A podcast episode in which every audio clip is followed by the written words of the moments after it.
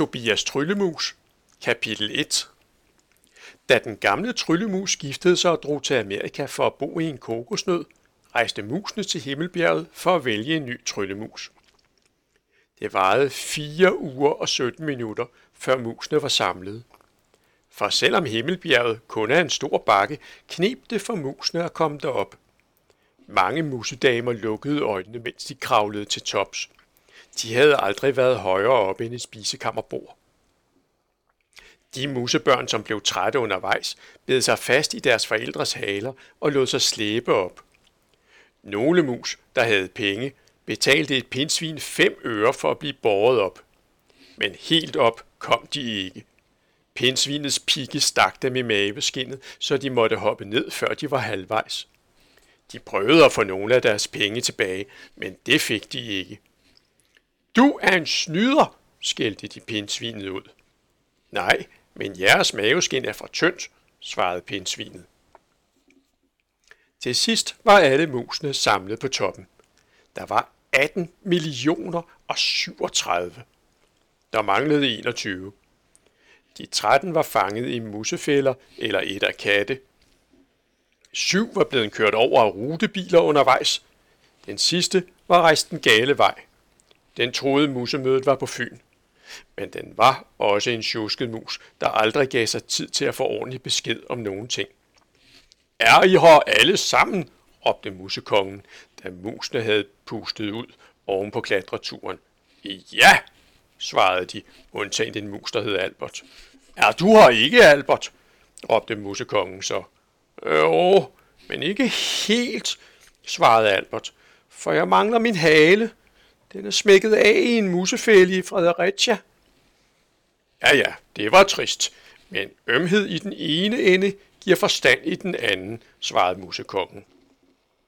Og så opfordrede musekongen de mindste mus til at komme frem, og en efter en sætte sig på et lommetørklæde, som fire store mus holdt i hver sit hjørne. Det galt nemlig om at finde frem til den mindste mus. Den mindste af de mindste skulle være den nye tryllemus. Den skulle kastes op til månen for at spise den trylleost, som månen er lavet af. Men der er langt op til månen, og derfor måtte tryllemusen ikke veje ret meget. Den ene lille mus efter den anden meldte sig, men de vejede alle sammen så meget, at de fire store mus ikke kunne kaste dem højt nok op. Den sidste, som de fire store mus prøvede med, var ikke større end en tændstik. Den kom optrændt op til månen, men så faldt den tilbage til himmelbjerget. Den faldt heldigvis ned på lomtørklædet igen, så den slap med forskrækkelsen. Da den hoppede ned fra lomtørklædet, lå der en lille rød sløjfe lige på midten. Hør du glemt din sløjfe, sagde musekongen.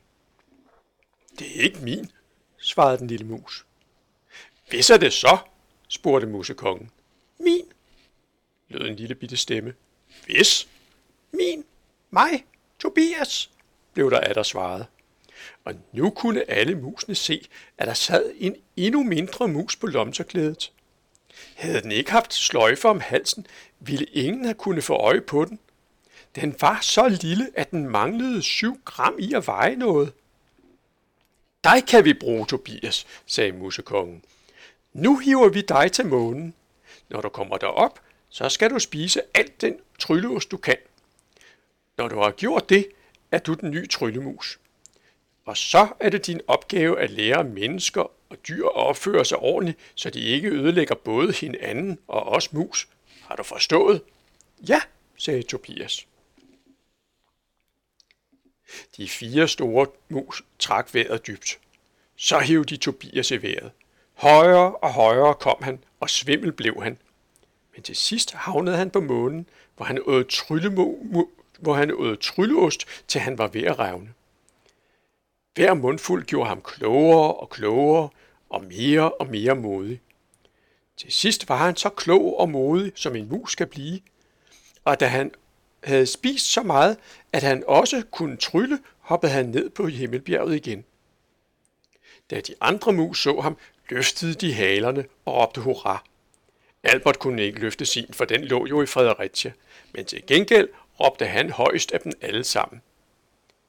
Derpå drog musene hjem af igen, og Tobias Tryllemus drog ud i verden for at lære mennesker og dyr at opføre sig ordentligt.